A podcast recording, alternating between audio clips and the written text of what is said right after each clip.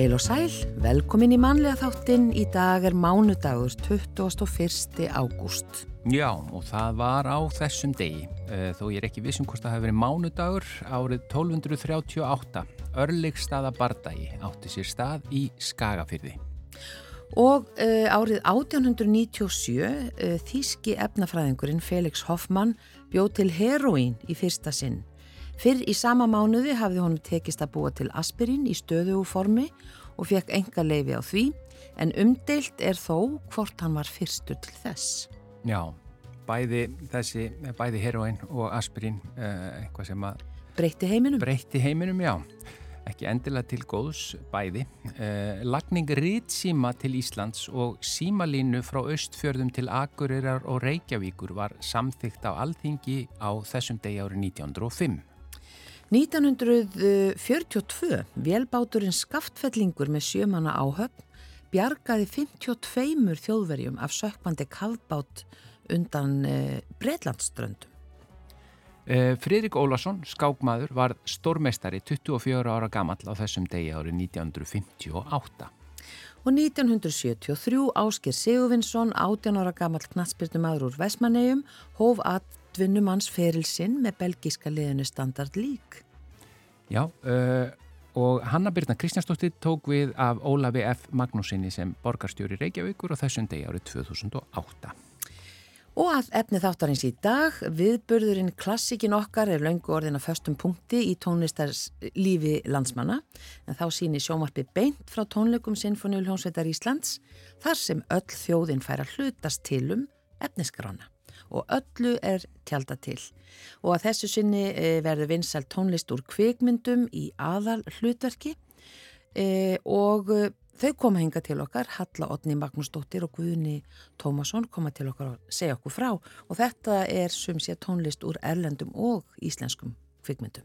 Já, svo fáum við vingil frá Guðjóni Helga Ólafsinni í dag. Í vingli dagsins leitar Guðjón Hamingunar eins og stór hluti þjóðarinnar og líklega mannkins.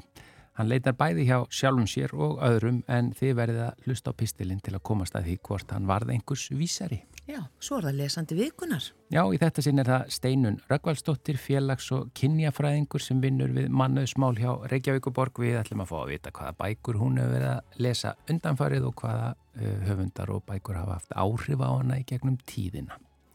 Og uh, já, eitt af þeim lögum sem verður flutt á uh, þessum tónleikum, klassíkin okkar, það er þetta hér með, eða eftir Valgir Guðjónssoni hér í flutningi stuðmanna slá í gegn.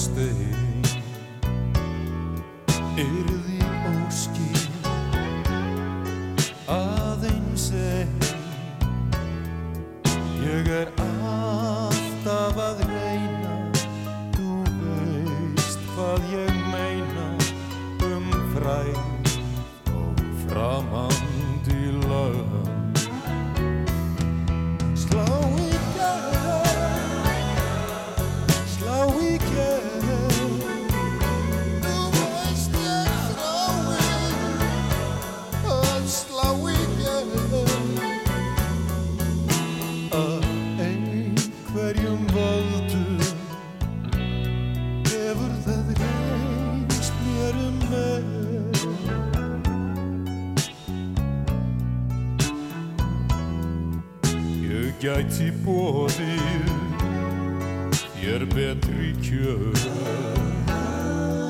Bíl og íbúð búðarslöð vakin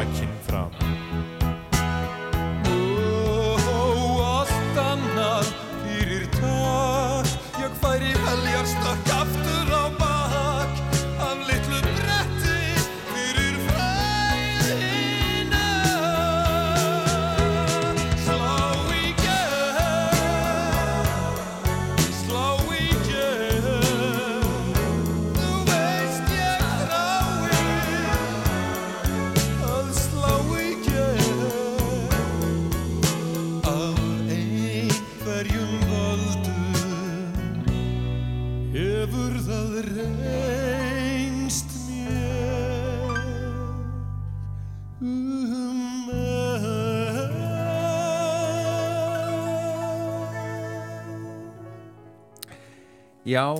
þetta voru auðvitað stuðmenn úr uh, kvikmyndinni með allt á hreinu, uh, slá í gegn. Uh, ég færi heljastökk aftur á baka litlu bretti. Já, ekki veit ég hvort þau fara að heljast eitthvað á sviðinu þegar klassikin okkar e, verður inn að gæsa bara flutt, getur við sagt, e, í hörpu en eins og venjulega þá allar sjómarpið að sína beint frá tónleikum Sinfoníu hljómsættir Íslands.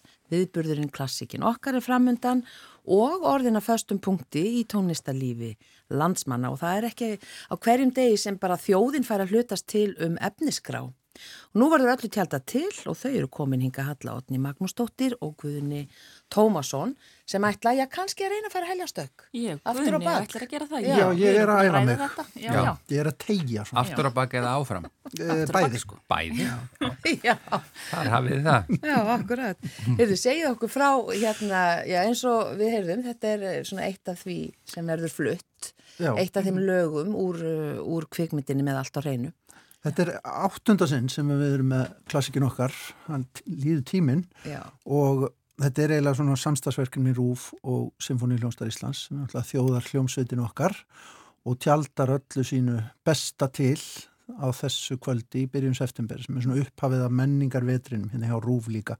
Það verður að veltaði fyrir sér hvað er framundan í leikúsum og, og þar framöndi göttunum hann á undan og svo tekur við konsert klukkan átta. Átta, já. Já, á föstu daginn 1. september. já, akkurat. Og það er kvikmyndatónlist í víðum skilningi sem er aðalmálið á þessum tónleikum núna í þetta áttundaskipti sem klassikin okkar færa hljóma og hérna, og það er bæði klassisk tónlist sem hefur öðlast uh, annað framhaldslíf í, á kvítatjaldinu og orðið ódöðleg sem slík og svo kvikmyndatónlist sem hefur verið samin fyrir kvikmyndir, íslenskar og erlendar lög sem hafa slegið í gegn í kvikmyndum og, og stundum gleymist myndin og, og lægið lifir og stundum uh, lifir hvort tvekja Þannig að þetta er allir, allir pakkin, allt frá bara Mozart og Beethoven og Strauss og Wagner til Hildar Guðna og Jóhanns Jóhannssonar og, Og Morricone Guðjónssonar. Og, og Valgeirs, gleymum honum ekki. Já. Og er þetta margi sem, eh, sem taka þátt eða svona er, Já, er náttúrulega hundra í þátttaka? hljómsveitinni allavega og hérna, ofan á þessa hundra sem setja þar í symfóníunni, þar eru, já, stór hópur bara söngvara sem að koma úr kannski fjölbreyttari áttum núna út af því að þetta er svona músík og kvikmyndum en oft hefur verið. Við hefum nú stundum verið í óperugýr og, og, þá hefur þetta verið meira óperusöngvarar en nú eru hann popparar, Eithor Ingi til dæmis, mm. Gunnlaugsson uh, og Katrín Haldúra og Raka Gísla, hinn eina sanna, já, uh, Dittu og svo tvær klassiska kanonur, Herdi Sanna Jónasdóttir og Jóna G. Kolbrunadóttir, Ottur Arþór Jónsson og Karlakonum Fóstbræður, um, einleikarar Sigrun Eðalsdóttir og Sigur G. Ragnarsson sem kom úr hljómsveitinni. sem kom úr ljónsettinni og, og þetta verður alveg bara mikil veisla og ótrúlega fjölbreytt og skemmtileg tónlist úr ímsum áttum og við náttúrulega með eitthvað típla gangin og milli og hérna Er það ykkar hlutverk?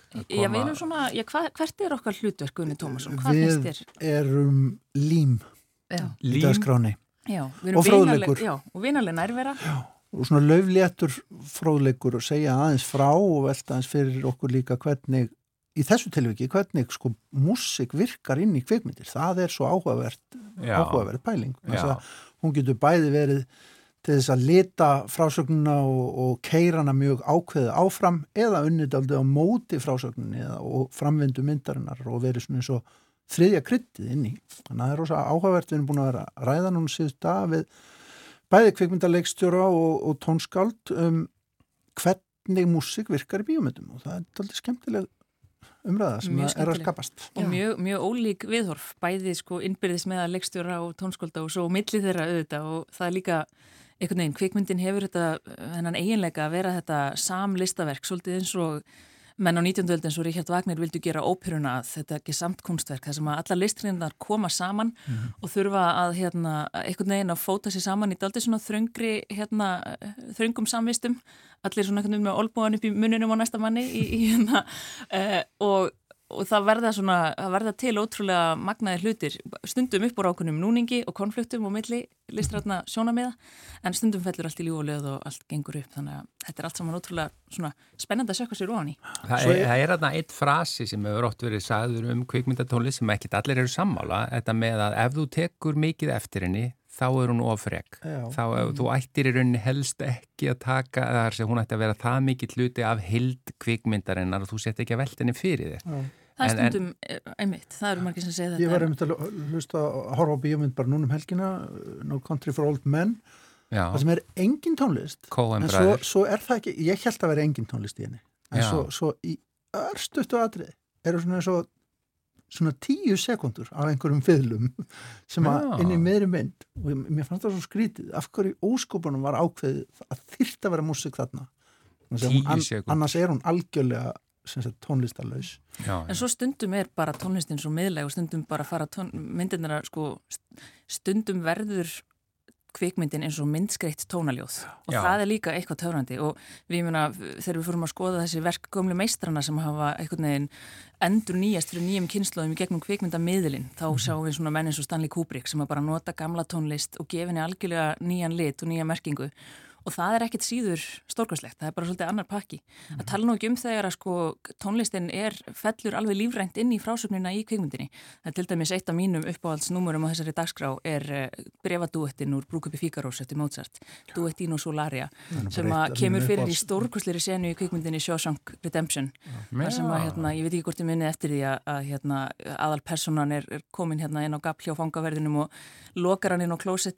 uh, fer inn í klefan þar sem að kallkerfið yfir allt fangilsið er staðsett, setur mótsastofónin, kveikir á kallkerfinu og leifir þessari, þessum stórkvæslega dú þetta óma um allt fangilsið. Og þetta verður bara eitthvað svona upphafin lítil smámynd af bara einhvern veginn sigri fegurðurinnar í ómögulegum aðstæðum. Fra, þeir verða frjálsir um stund Þeir verða frjálsir um stund og einhvern veginn fegurðin sigrar, þannig að þú veist, þetta, þetta er, er allt til í þessu sko, ég held að það sé kannski svolítið málið, þetta er ekkit, það er engin, hérna, það er engin formúla. Nei.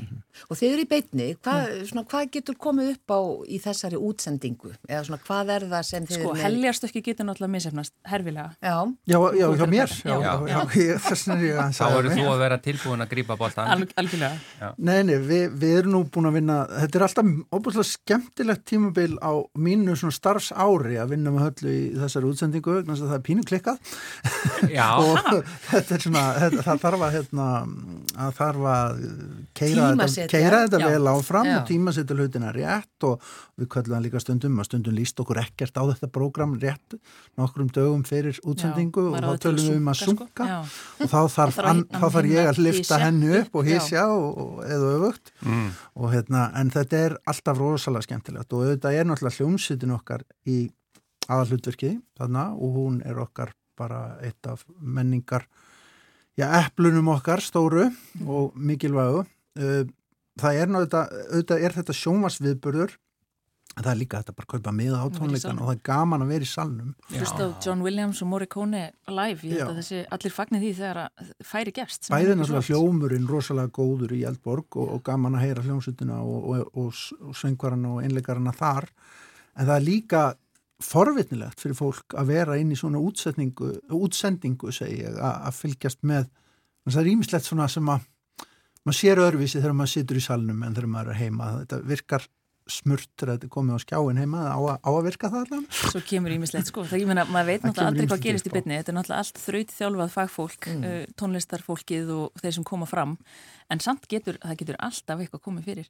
Og maður er alltaf að reikna með því til dæmis að það gæti orðið töf Já, á- á- eitthvað sem gæti tafist að leiðun á svið. Þá þurfum við að þá bladra þurfum við að vera tilbúin með einhverja fróðleiksmóla ef, að- ef að í það fer. Tónsbrotin dottið í gólfið eða eitthvað slíkt. sko, já, það getur svo eitthvað, gerst já. sko. En, en í þessu þema, það er að segja sjónvarps og kvikmynda tónlist, það er náttúrulega bara gaman að því að eiga tónskáld sem eru bara að, fá stærstu velun í heiminum fyrir, slíkt. Þannig er á efniskráni Hildur Guðna úr Jóker sem er alveg magna dæmi það er einn áhrifamesta kvikmyndatónlist sem ég hef upplifað í bíói.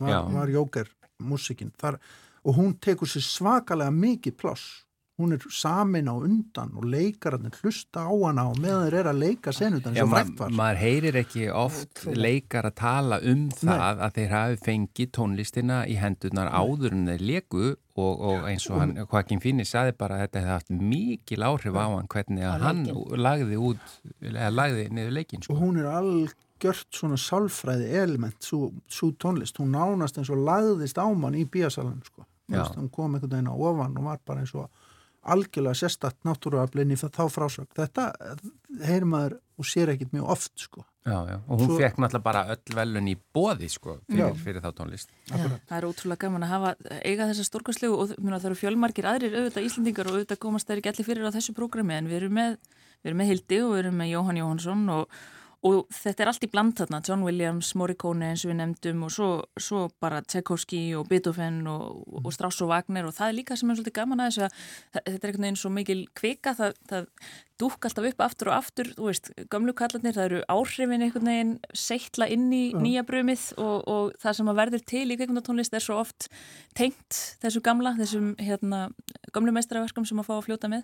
svo ræðum við líka við í, í sem sagt sjónvans útsendingunni sjálfur við tónskáld sem eru að gera það gott til dæmis bara Vestanhafs Alli Örvarsson er hjá okkur viðtali og, og Herti Stefansdóttir sem er ung og upprennandi og hefur nóg að gera ef að allt væri eðlilegt, það er enda verkfall í Hollywood þannig að Já. það setur aðeins Já. svona strik í reyningin Allt í frosti þar núna. Mjög aldrei forvitnilegt að ræða við hana Já, e, bara eins og við sögum, þjóðin fær að hlutast til eða fekk Já, já. um, hlutast til um efnisgrána. Hvernig er þáttaka í því alltaf Já. jafn góð? Það er alltaf, alltaf já, vaxandi bara. nú heldur bara alltaf vaksandi og þetta verður, hérna, fólk væri að velja sko af e, svona fyrirfram gefnum lista því að annars er þetta náttúrulega svo óendanlegur hafsjór. og en líka stingu En svo stinga upp og já, og það er nefnilega kannski ekki síst skemmtilegt að sjá sko hverju fólk stingur upp á til viðbótar. Það koma oft margar fínar tilugur þar sem að enda inn á prógraminu. En þetta er mjög gaman og umræðunar og svo veit maður náttúrulega að maður býður eftir umræðinu sko, já, okkur var ekki þetta og. En það er hluti af þessu líka sko, það er náttúrulega að fólk saknar sinna uppáhalda sem að ekki ná inn Já. en það verða fleiri tæki verið til þess að hérna, setja, setja hann- þessa fínu músika á, á efnisgrá. Svo erum við, að blanda líka rétt það verður að vera íslenskt og erlend og það, þetta verður að vera einhvern veginn auðvitað þarf að setjast yfir þetta með góðum fyrirvara svona efniska. En býtu að því þú nefnir þetta svona, eru þið bara þið tvö í því að raða upp? Já, ég, þetta er náttúrulega, þetta er samanverkefni milli, hérna, það er náttúrulega líðræðislega aðferði í háfum höfð og svo, svo þarf að setjast yfir þetta með svona dagskrárráði, hljónstastjóri og, Já, og því, hérna að það listrænt. þarf líka að æfa og það þarf að Já. fá réttu uh, músikantana til þess að spila hlutinu og, þetta, Já. og svo þarf að leia nótur og þetta er svona Og mörg það púst. er frumskóur sem fólk þekkir ekki, sem að við getum talað um lengi. Þetta er nefnilega mikill frumskóur, uh, þessi Og réttindamál sem að tengist Já, allir þessari tónlist. Þannig að það getur verið mjög snúið bæði að fá nótur fyrir heila symfóniuljónsveit og að fá leifi til þess að flytja þér. Tala nú ekki um í sjónvarpi. Þannig að þetta tekur langan tíma. Já, en er, er unnið mjög rætt. Ég veit að hún, Kristberg á Nótnarsafni Symfóniuljónsveit Íslands er búin að vera í sambandi við mjög marga reyna að vinna þetta með leiftur hrað. Þannig að þetta er alltaf svolítið spennandi. Það, það er smá lífsætta á öllum stegum, sko. Ekki bara í beinu útsendingunni. Og ekki bara í heljarstökina skoðuna? Nei, sem að verður þó ærin. Já, Ég mun býða spennt eftir því en kærar þakki fyrir að koma Halla Otni Magnúsdóttir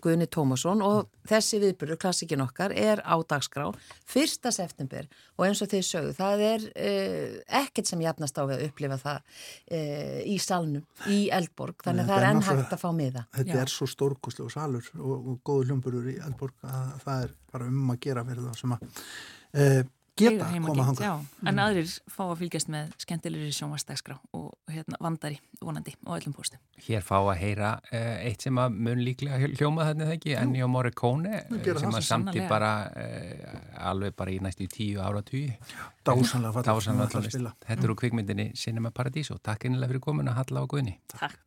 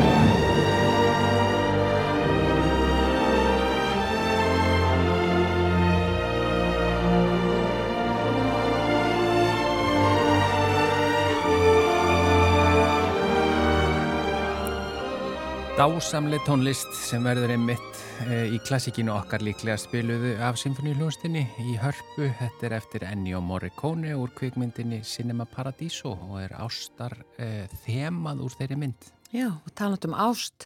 E, það er umfjöllun um haminguna hjá hann Guðunni Helga Ólafsinni í vinkli dagsins. Ágætu hlustendur. Nýliðnar eru sennilega dreggjarnar af bæja og borgarháttíðum sumarsins. Enda skólarnir er að byrja og flestir eru nú búinir að frílista sig. Þá tekur við amstur hverstagsins og við tökum okkar venjulegu stöðu í hinnu mikla úrverki samfélagsins. Reynum að gera okkur sjálfum og samborgurunum meira gagn en ógagn. Sumir eru bara ánæður með sína stöðu í gangverkinu. Líður vel þegar allt gengur sinn vana gang og vilja helst engar breytingar. Fólk sem er þannig innréttað segir gjarnan við mann þegar vika er eftir af sumarfrínu. Mikið verður gott þegar þetta frí verður loksins búið. Börnin komin í skólan og maður getur byrjað í rútínunni. Þetta er okkar besta fólk. Það sér til þess að daglegt líf hangi á lestartennunum. Leggur á stað á réttum tíma og stöðvar líka vagnin þegar við á. Og kannski er þetta fólk líka styrkur og skjól þeim sem æfinlega eru á leiðinni að vinna þrekvirki og stórsigra í lífinu. Án þeirra myndi glundróðin standa vansvefta og hungraður við stjórnvölin, keira lestin af sporinu og út í næsta áveituskur þar sem farmskráin myndi síðan splundrast og fjúka út í buskan. En sennilega erum við nú einhver staðar augan á milli og finnst tilbreytingin ágætt en viljum samt hafa hlutina í röð og reglu. Kanski er við hæfi að taka undir með skáldinu Jónasi og segja að hamingjan sé æfinlega hér og ég lefi mér að bæta við hverju sinni til að samhengið lafi hjá mér. Ég er ekki að meina Jónas úr Öksnadal heldur Jónas úr Þorlóksöfn. Verður reyndar báðir í uppáhaldi hjá mér, ég tek það fram, og hafa báðir ort um hamingjuna. Hallgrímsson gerði þýðingu á ljóði eftir Hænrik Hæne sem heitir Hamingjan, en Sigursson Samti ljóðið Hamingjan er hér og prýðir samnefnt lag frá 2010 sem ég vil meina að hafi rakið súrdóða og emd íslensku þjóðarinnar eftir bankarhunnið út í sílapollin á bakvið bræðsluna á borgarferðið eistra. Nú háttar mögulega þannig til að sumir hlustenda þekkja einungis annað ljóðið eða kvorugt, mér er bæði ljúft og skilt að bæta úr því og við byrjum á Jónasi eldri. Hamingjan eftir hæne í þýðingu Jónasar. Lán er vilt ei láta mér, leikin vil ég skakka þér. Grýp ég þig með hörðum höndum, herrtek þig og reyri böndum. Fella skal ég ók þig á, erja og sveitast skaltu þá. Loks úr mættri mundu fellur, mækir þér en und mér svellur. Blóðrá stöpur mæðir mig, mitt á köldum banastig, hlýtur að slokna lífið ljósa, læst ég í því sigri rósa. Heldur en nú dimt yfir því hjá auksndælingnum og hæni, e, við skulum sjá hvað Jónas sig hefur að segja um hamingjuna. Ég held að hamingjan væri blekking sem kemur ríðandi á hestum eftir fjöruborðinu með braki og brestum, færandi fengin sinn öðrum. Ég sem held að hamingjan væri ský sem fýblin hlaupa öll á eftir, en vöknuð upp með ungdómiska æskudraumin fyrir bí, mikill hamingjunar reppir. Hamingjan, hún er hér. Og svo framvegis og framvegis endur tekningin þjónar viðlæginu ákaflega vel. Ég sem held að hamingjan væri fuggl sem flýi stefnulaust um loftin blá af handahófi lent saklausu fólki á, öllum til óþarfa og ama. Ég sem held að hamingjan væri gubb, uppfinning höfunda sápuoperana og ísfólksins, rauðu kmera bókmentana í kápum. Hamingjan, hún er hér, endur teki eftir þörfum. Já, við þökkum fyrir. Og þar höfum við það, Hæni og Jónas Hallgrímsson ætluðu að handsama hamingjuna eins og sílungi ljótapolli og fá hana með nauðung til að þjóna sínum vilja. Á meðan Jónas sig segist hafa talið hamingjuna að vera ímislegt og alls konar en að lokum átt að segja á að hún var með honum allan tíman. Kanski berum við gæfi til þess sem þjóð að finna með okkur hamingjuna að nýju þar sem hún er í stað þess að vera alltaf að eldana út um alla koppa og grundir og finna hana svo ekki. Sá sem hér talar er svo gæfisamur að upplifa hamingjutilfinningun okkur reglulega. Það er alls ekki sjálfsagt og það sem hreyfir þessa taugi mér gerir það ekkit endilega hjá þér. Ég nefndi bæjarháttíðir í upphafi pistils. Mér leiðast svo leiði samkomur eiginlega. Í það minnsta verði ég ekki varfið það að hamingjan hreyfi neitt við mér þegar ég sækja þær en er ekki svo samansúrraður heimúll að ég verð ekki varfið að aðrir skemmta sér príðilega. Mér finnst gaman að horfa út um gluggan heima hjá mér og fylgjast með hávöksnu grasi og mjaðurt bylgjast í kvöldgólunni. Hamingjumælirinn ríkur upp og mér líður vel með að fá að tækifæri til að upplifa slíka sælu. Aðurir sjá að þarna mætti sem best reyta í það minnstakosti öðru megin upp á hund eins og gerðnar er sagt um heiskap í smáum sniðum og mjaðurt er þeim auðvitað glatað skeppnufóður og, og þarf við að mæra það. Í góðum félagskap er hægt að upplifa hamingjuna nánast hvar sem er, á meðan vondur félagskapur gerir ekki neitt fyrir neitt. Ég fór í ammæli um daginn, þar var gaman, og í sunnudagskaffi út í skó hjá frænda mínum og granna og grannum, þar var gaman, og í grillparti á pallinum hjá bróður mínum og mákonum, þar var gaman, og hamingjan viðstödd, en það framúrskarandi gott fólk í hverju sæti. Á leiðinni heim vildi bílinn minn ekki fara í gang. Það finnst mér ekki gaman og um leið setti hamingjan föggur sínar í rauðan neftóbaksklút, battinn í böggul, festi á stöng, lagði á aukslina og helt sinn veg raulandi lægiðans Jónasar. Auðvitað fór þessi bílskröður í gang fyrir rest og ég komst óskataður heim eftir þjóðvegi 33, sjálfsagt að gleðast yfir því og jafnvel finna örlittla reyfingu á hamingjumælinum. Það komast ekki allir heilir heim nefnilega, sem er sorglegt. Umferðarslýs eru allt of algeng, finnst mér. Viðkenni að nenn ekki að finna tölur þeirri fullurðingu minni til staðfestingar en finnst óhætt að halda því fram að eitt slis sé einu slisi of mikið. Hvað þá fleiri? Uh, ég sé á vef samgöngustofu að skráð eru 795 umferðarslis í janúar 2023. Mér finnst það alveg ægileg tala í ekki fjölmennara landi. En rétt að halda því til haga að hinga koma tæpar 2 miljónir ferðamann á ári og margir þeirra lenda því miður í umferðaslissum alveg eins og við sem hér búum. Getum ekki vandað okkur eitthvað betur í umferðinni. Það myndi fækka umferðaslissum og vonandi að samaskapi auka okkar saminlegu hamingju. Jöppil spara nokkrar krónur í leiðinni og veitir vist ekki af. Sjálfur gæti ég til dæmis lagt af þann ljóta ósið að verða óþólinnmóður ef mér finnst umferðin ekki ganga nógu greiðlega. Því skýringar á umferðatöfum eru oftast bara af eðlilegum orsökum. Kanski eru bara of margir að aka í einu eftir sömu götu og röðin mjakast þess vegna hægt. Kanski er einhver sem kemst ekki á sama hraða á hinnir og sá eða sú sem ekkur og eftir þeim bíl þórir ekki fram úr eða kemst kannski ekki vegna mikillar umferðar úr áttinni á móti. Kanski er einhver ferðalangurinn dolfallin yfir fegur lands og jafnvel þjóðar hér og vil njóta augnabliksins í stað þess að aka fulla ferð. Við hljótum að geta fyrirgefið slíkt, en það lifir stór hluti þjóðarinnar á tekjum af ferðarþjónustu með einu með öðrum hætti og vafasamur business að ætlast til þess að þeir hinga komi þurfum við að þreita einhver hæfnispróf önnur en þau ökuréttindi sem þeir hafa aflað sér og framvísa þarf þegar bifriðar eru teknar legutaki. Ekki þurfum við að standast slík próf ef við leiðum okkur bíl í öðrum löndum. Skýringarnar er nefnilega æði oft að finna hjá manni sjálfum.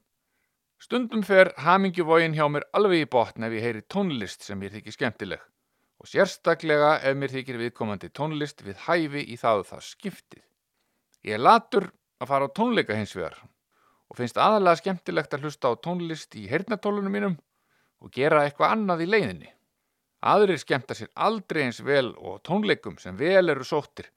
Finnst jafnvel best að standa auksli auksl og anda ofan í hálsmálið á næsta manni á fjölmönnum viðbörðum. Kanski er ég andfélagslegur fílupúki að vilja ekki verið í mannhafinu eins og gafalbiti í dós og vakka með mannhafinu, en það gerir þá ekki til. Við erum öll sérstök þrátt fyrir allt, engir tveir eru eins, en eigum þó svo fjöldamart saminlegt eins og til dæmis það hafa verið alltaf að leita hamingjunar sem er í rauninni einfalt. Því hamingjan hún er hér. Góðar stundir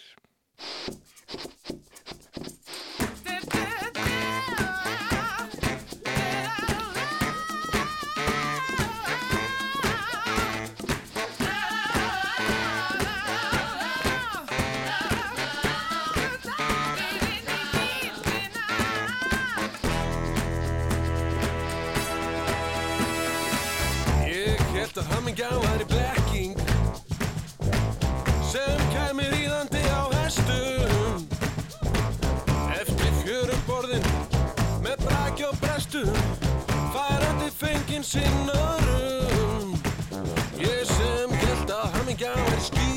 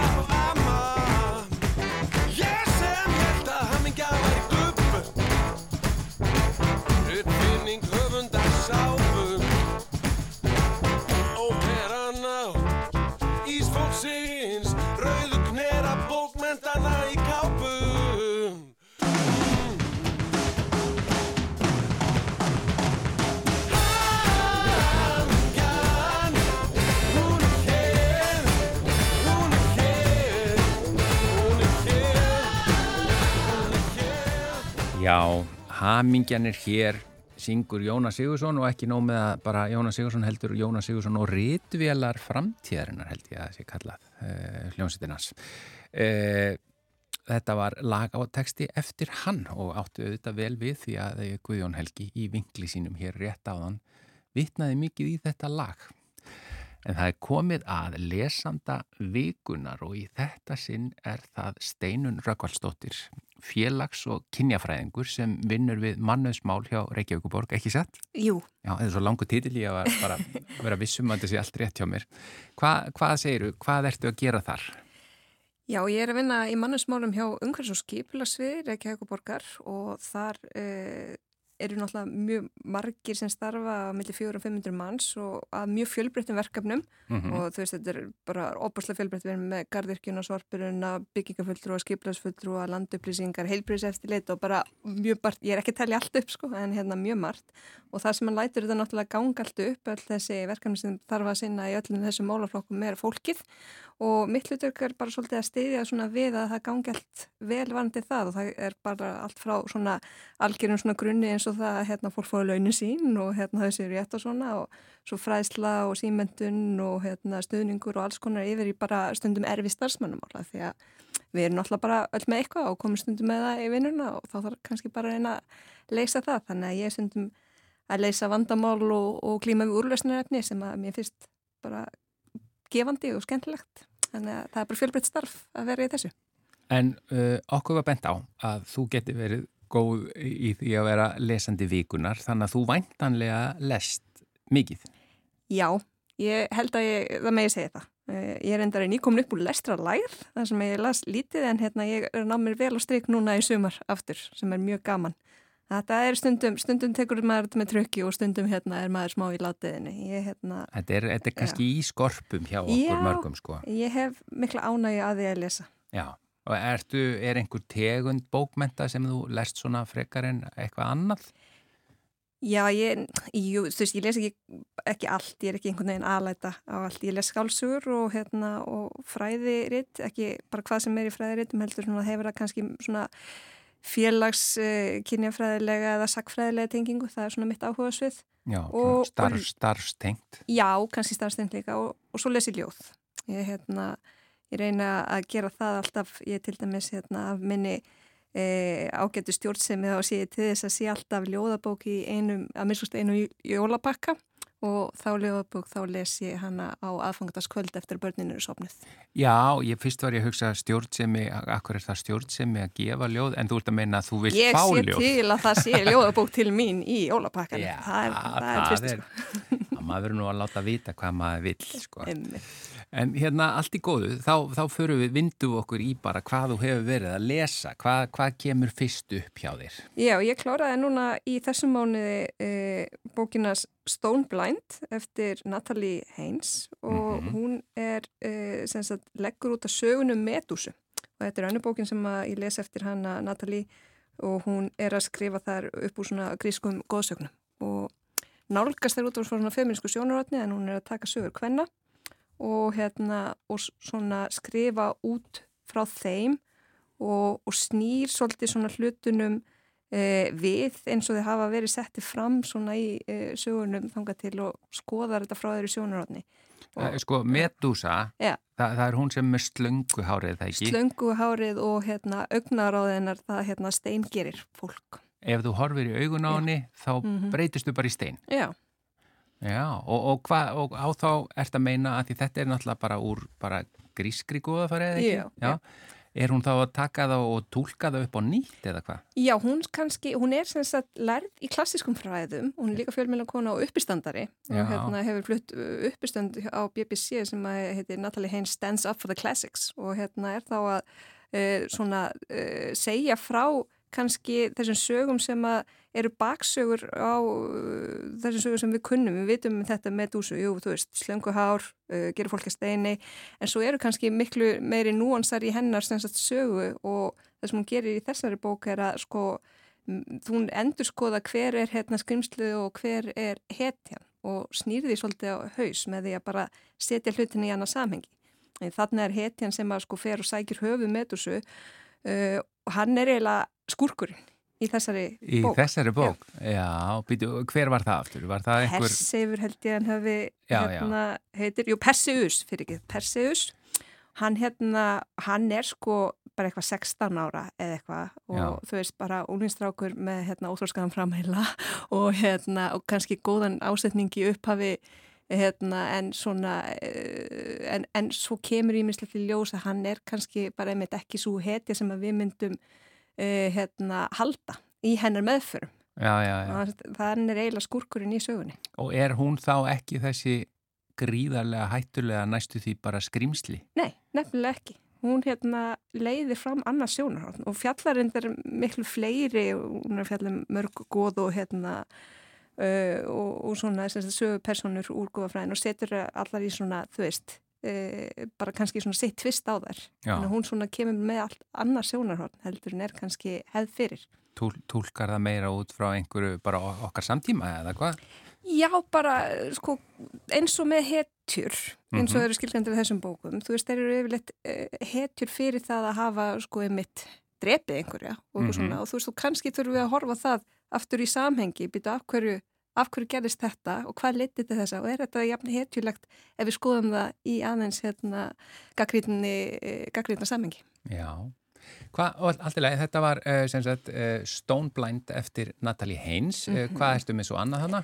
Það er hannu bók sem ég kláraði í, í hérna sumar. Það er The Patriarchs eftir Angelu Saini og hérna undirtittin er How Men Came to Rule. Mm -hmm. Og Angelu Saini hún er svona uh, bladamæð sem fjallar um sko vísindi uh, bresk held ég að fari rétt með. Og hún, e, þetta er einmitt líka önnur bókin sem ég les eftir hana þetta er fræði bók e, e, sagt, hún fyrir heiti Inferior og, og hérna fjallaði um sagt, hvernig sko það væri ákveðnar mítur sem var byggðar inn í sko vísindilega nálgun þegar það verið að sko skoða kynjamun af því að þá kannski gefur eitthvað að því að veist, það er eitthvað sem okkur er svona tamt að það séu, konur séu svona eða kalla séu hins einn og hún heldur svolítið áfram með þetta í þessari bók þar sem hún fjallaði um svona rætur uh, feðraveldis af hverju sem sagt þetta hefur, uh, það er svona fyrirfæða mikið að hérna kannmenn hafi ráðið uh, meira heldur um konur í gegnum tíðina. og svona kemst það því að það er kannski ekki jafn einlít og fólk uh, oft heldur, það er ekkit búið að vera bara þannig að hérna, kalla réðu öllu frá upp af allstaðar búið sko. Þetta er miklu núansæri saga og, uh, og, hérna, og þá kemur hún líka inn í sko það hérna, að jafnvel vísendamenn í dag og til dæmis eins og í fólklega fræði séu að gefa sér ákvæmnar forsendur þegar að hérna, hún tekur til þess dæmi að því að það fundi sko kuml uh, stríðskvenna Mm -hmm. þá er reynda út, þú veist, þá er kannski ákveð, hérna svona skekkja hugsun þannig að það leiti þess að það er reynda útskýra það í burtu sem sagt að hérna kona hafi verið uh, sem sagt grafin með alls konar einhver svona stríðs hérna bara vopn og hérna og, og einhverja fórnir og eitthvað svoleiðis að þetta hefði verið, þú veist, aðalsmæri eða eitthvað svoleiðis þegar að kannski líkur beinast við bara, nei, hún var grafið með þetta vegna sem hún var stríðskona og það myndi aldrei verið að reyna að leita einhverju annari skýringu ef þetta væri kallmaður. Því nú er náttúrulega hægt að koma staðið sem sagt hvort þetta voru konur að kallar eftir með, bara með greiningu á erðaefni og beinum og svona sko. Þannig að mm -hmm. hún er svolítið að hérna, bæði að sko halda áfram með svona gaggrína og hvað hérna erum við með einhverja skekju þegar við erum í þessu vísindasamfélagi að reyna hérna, að kanna fortíðina og sem er mjög áhugavert og svona vekkumandinu umhersunar en líka bara það sem er áhugavert er sko að hún bendir svo vel á þessari bóka sko, þú veist, framþróun er einhvern veginn ekki, þú veist, það er uh, það verða bakslug eins og við sjáum líka í bara okkar nútíma við sjáum bakslug í hérna uh, réttindum hvenna bara víða um heim, þú veist, Bandaríkin uh, Íran, Afganistan og svo framvegis og akkur heldur við að þetta hef ekki líka gerst fyrir árþúsundum. Já. Þannig að þú veist að fór fram og tilbaka hvort það var mæðraveldi eða feðraveldi eða hérna svona jafnbreytti samfélag eitthvað svoleiðis. Þannig að það er mjög margt uh, þarna í sannsagt fortíðinni sem að við þurfum að kannski ekki gefa okkur að sé bara einhvern veginn í eina átt og það sé alltaf línulega framþróun og að hlutin hafi bara verið svona alltaf.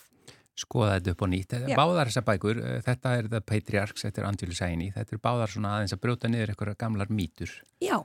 Já.